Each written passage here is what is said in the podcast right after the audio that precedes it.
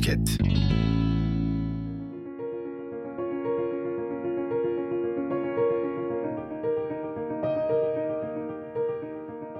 Herkese selam. İlginç bazı şeylerin yeni bölümüne hoş geldiniz. Bu bölümde size cüce olarak doğup dev olarak ölen adamın inanması güç hikayesini anlatacağım. Olayımızın kahramanı Adam Rayner. 1899 yılında Avusturya'nın Graz şehrinde dünyaya gelen Adam'ın ortalama boy ölçülerine sahip bir ailesi vardı.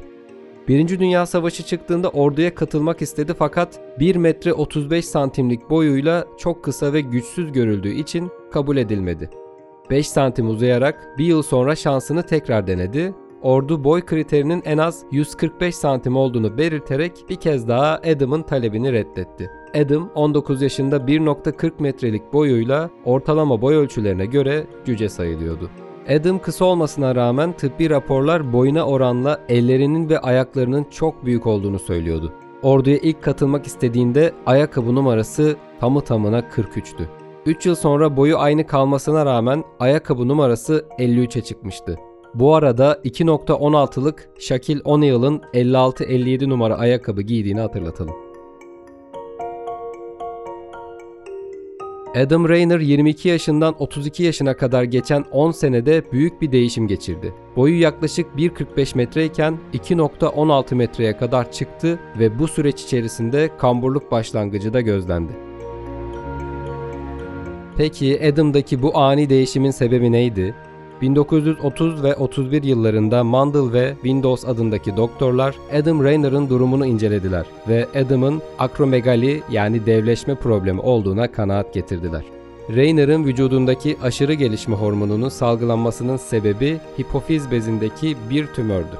Elleri ve ayaklarının büyüklüğü yanı sıra genel görünüşünde de tuhaf olmasının ardında yatan sebep bu tümördü çıkık alnı ve çenesi, büyük dudakları ve geniş aralıklı diş yapısı bunlara örnek sayılabilirdi.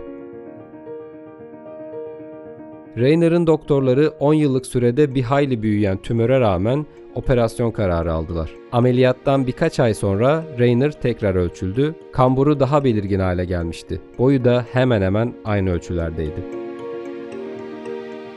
Kamburun daha da kötüleşmesi Adam Rayner'ın hala genişlediğini gösteriyordu ama eskiye kıyasla daha yavaş bir hızla. Adam Rayner'ın sağlık durumu gittikçe kötüleşiyordu. Önce sağ gözü görme yetisini kaybetti, sonra sol kulağı duymaz hale geldi. Geçen zamanla birlikte kamburu da iyice çıkmıştı ve Adam artık yatalak olmuştu.